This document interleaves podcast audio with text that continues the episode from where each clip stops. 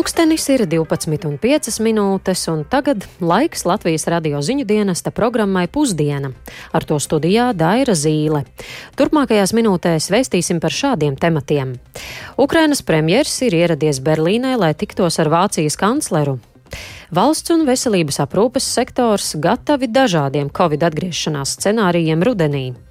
Rīgā ir sākusies otrā sacensību diena pasaules čempionāta posmā Rallija krosā. Autosportā arī dažādi citi notikumi, bet par visu plašāk turpmākajās minūtēs.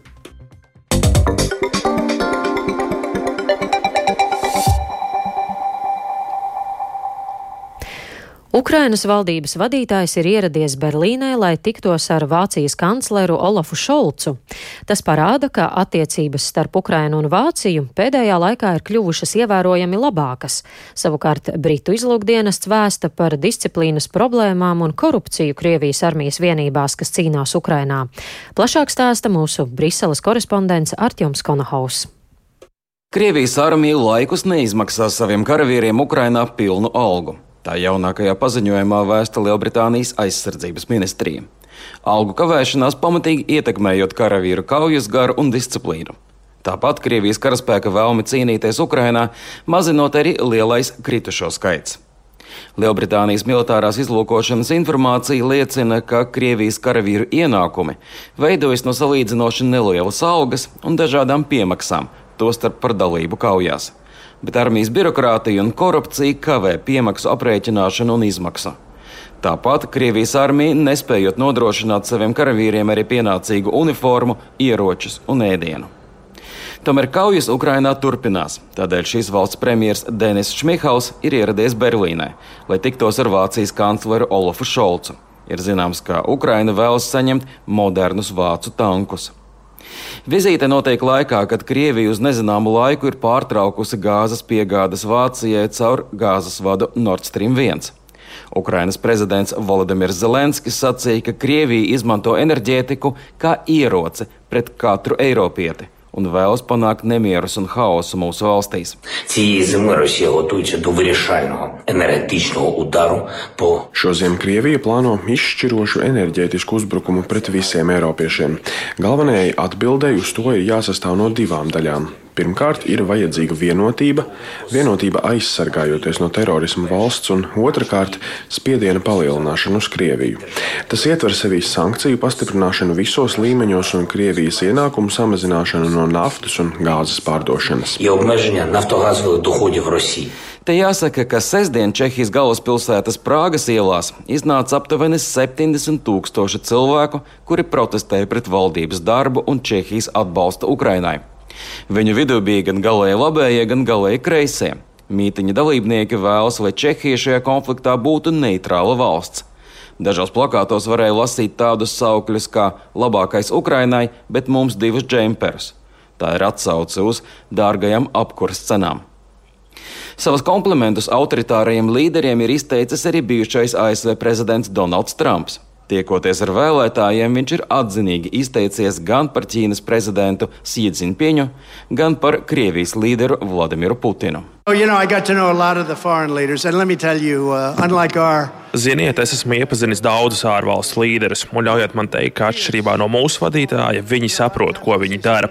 Putins ir nikns un arī gudrs. Ziniet, bieži vien tad, kad es saku, ka kāds ir gudrs, viltus ziņās uzreiz sāk. Viņš nosauca prezidentu Jī par gudru, bet viņš ar dzelzs dūri valda pāri pusotram miljardam cilvēku. Jā, es teiktu, ka viņš ir gudrs. Vai jūs neteikt tāpat? Tādēļ es atbalstu prezidentu Jī un spēju ar viņu ļoti labi saprasties. Well. Tāpat Trumps Trumps kārtējo reizi pieļāva, ka atkal kandidēs prezidenta vēlēšanās. Arčuns Konahaus Latvijas Rādio Briselē.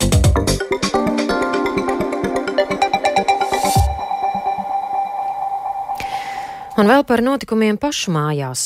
Šobrīd saslimstība ar covid neuzrāda strauju kāpumu, un šķiet, ka rudenīgais laiks vīrusu vismaz šobrīd nestiprina. Valsts un veselības aprūpes sektors gan secinājumus vēl neizdara, un ir gatavs dažādiem scenārijiem un sola atbilstoši reaģēt ka gadījumā, ja Covid pieņemsies spēkā, tā arī gadījumā, ja vīruss turpinās pļaut dzīvības. Turpina Kristaps Feldmanis. Darbs Covid apstākļos neatliekamās medicīniskās palīdzības dienestam nav nekas svešs. Arī šobrīd tas ir gatavs saslimstības rādītāju straujam un lielam kāpumam. Dienesta vadītāja Liena Cipula skaidro, pēdējās nedēļās gan saslimstība darbinieku vidū, gan došanās uz izsaukumiem, kas saistīti ar Covid, ir mazinājusies. Taču kopumā dienestā vislielākās bažas iespējama Covid uzliesmojuma sakarā ir tieši par to, ka saslimšanas dēļ var nepietikt darbinieku. Pašlaik tieši ir tāda lejupējoša līkne. Ja bija tas kāpums, tad pašlaik viņš ir mazinājies.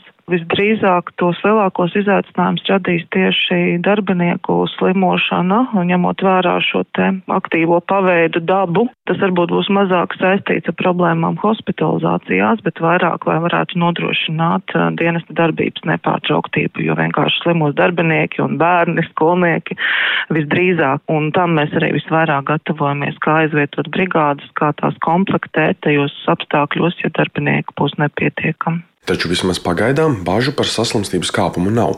Slimību profilakses un kontrolas centra pārstāve Ilze Arāja skaidro, jau trīs nedēļas novērojams Covid izplatības mazinājums. Arāja gan stāsta, rudens ir laiks, kad skolā atgriežas bērni, atsāks arī interešu izglītība un cilvēki vairāk laika pavada grupās kopā.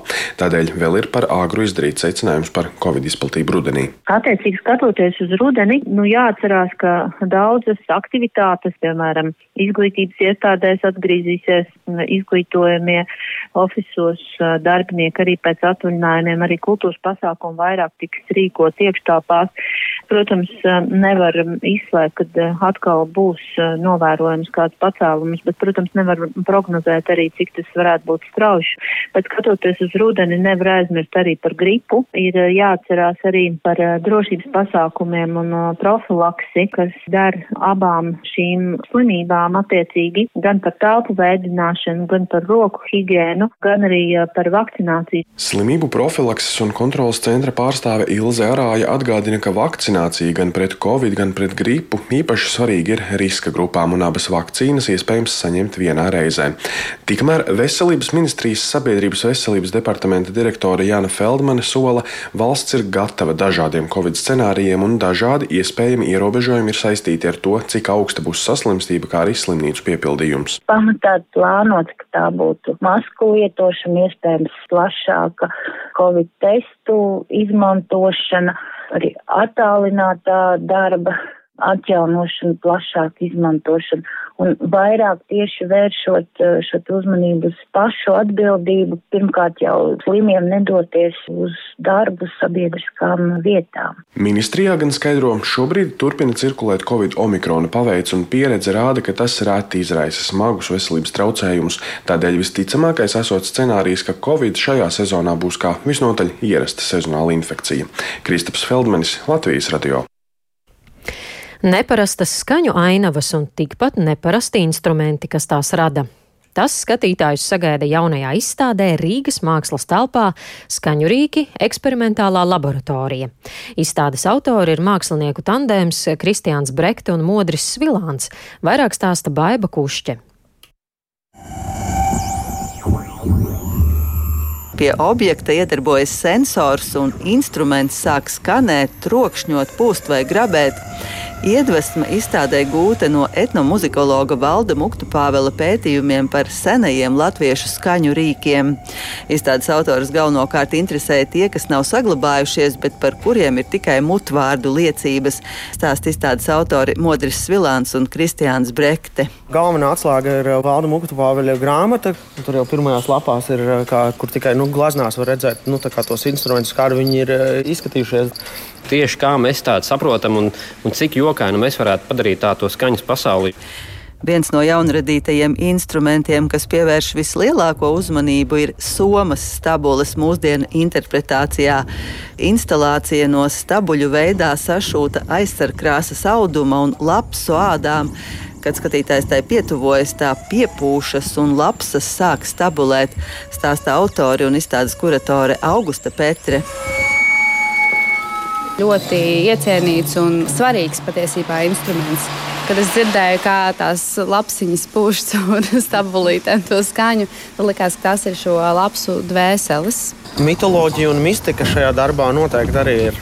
Izstādes autori piedāvā arī savu interpretāciju par senu ritma instrumentu sauktu par velna bungām cik mēs maksimāli varējām atvest ar mašīnu to koku, tik mēs arī viņas liels arī uztaisījām. Katram tam darbam ir sava individuāla vērtība, bet, nu, protams, tā galvenā lieta ir, kā mēs varam no šodienas skatu punkta paskatīties uz tām mūsu tradīcijām. Izstāde skaņu rīki eksperimentālā laboratorija būs pieejama līdz oktobra vidum. To papildinās dažādi notikumi. Baiba Kušķe, Latvijas radio.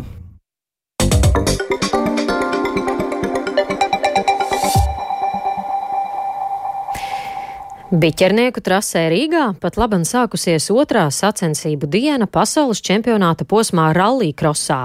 Latvijas līdzjutējiem gan vairāk interesē sacensības Eiropas čempionāta ieskaitē, kur pēc pirmās dienas pieciniekā ir abi Latvijas braucēji. Lai plašāk ieskatītos Rallija krosa norisēs, esam sazinājušies ar kolēģi Māri Bergu, kurš arī šodien ir biķerniekos, sakojot sacensībām. Sveiks, Māri! Sveika, Dāra! Sveicināti klausītāji! Pēc pirmās dienas eh, mūsēji ir labās pozīcijās. Eh, kā sākusies otrā sacensību diena? Jā, nu Jānis Baumanim pirmā sacensību diena rezultātu ziņā bija laba. Pēc pirmās dienas viņš bija trešais, un tieši šobrīd Jānis aizveda savu pirmo braucienu šodien, trešo kvalifikācijas kārtu. Nu, šodien gan dienu viņam nav iesākusies tik labi, starts nesenāca tik labi, un šobrīd Jānis ir ceturtais 5% konkurencē savā kvalifikācijas braucienā. Nu, līdz ar to viņam dienas gaitā vēl būs krietni jāpacīnās un būs iespējas arī uzlabot savu rezultātu. Tāpat Eiropas čempionātā brauc arī Ronalds Baldiņš viņam pirmā diena arī veiksmīga piektā vieta. Šodien savā pirmajā kvalifikācijas braucienā Baldiņš bija otrais, bet nu, jāsagaida, kad noslēgsies visas kvalifikācijas, visi kvalifikācijas braucieni, lai redzētu kofertējumu, kur tad abi atrodas pēc trešās kārtas. Baldiņš norādīja, ka viņš joprojām turpina adaptēties savai šīs nedēļas mašīnai, un vienlaikus viņš atzina, ka arī pašam braucieni nav padevušies nemaz tik labi. Klausāmies Ronaldu Baldiņu. Ļoti daudz kļūdas bija, un, kā, kad nu, grib ātrāk, tu sāc trakot, tur pieļauj vienu kļūdu, nu, nevar savākties. Nākšu apli vēl vienu kļūdu, tu redz, ka viņi patālinās, nu, tu gribi tuvāk, tuvāk.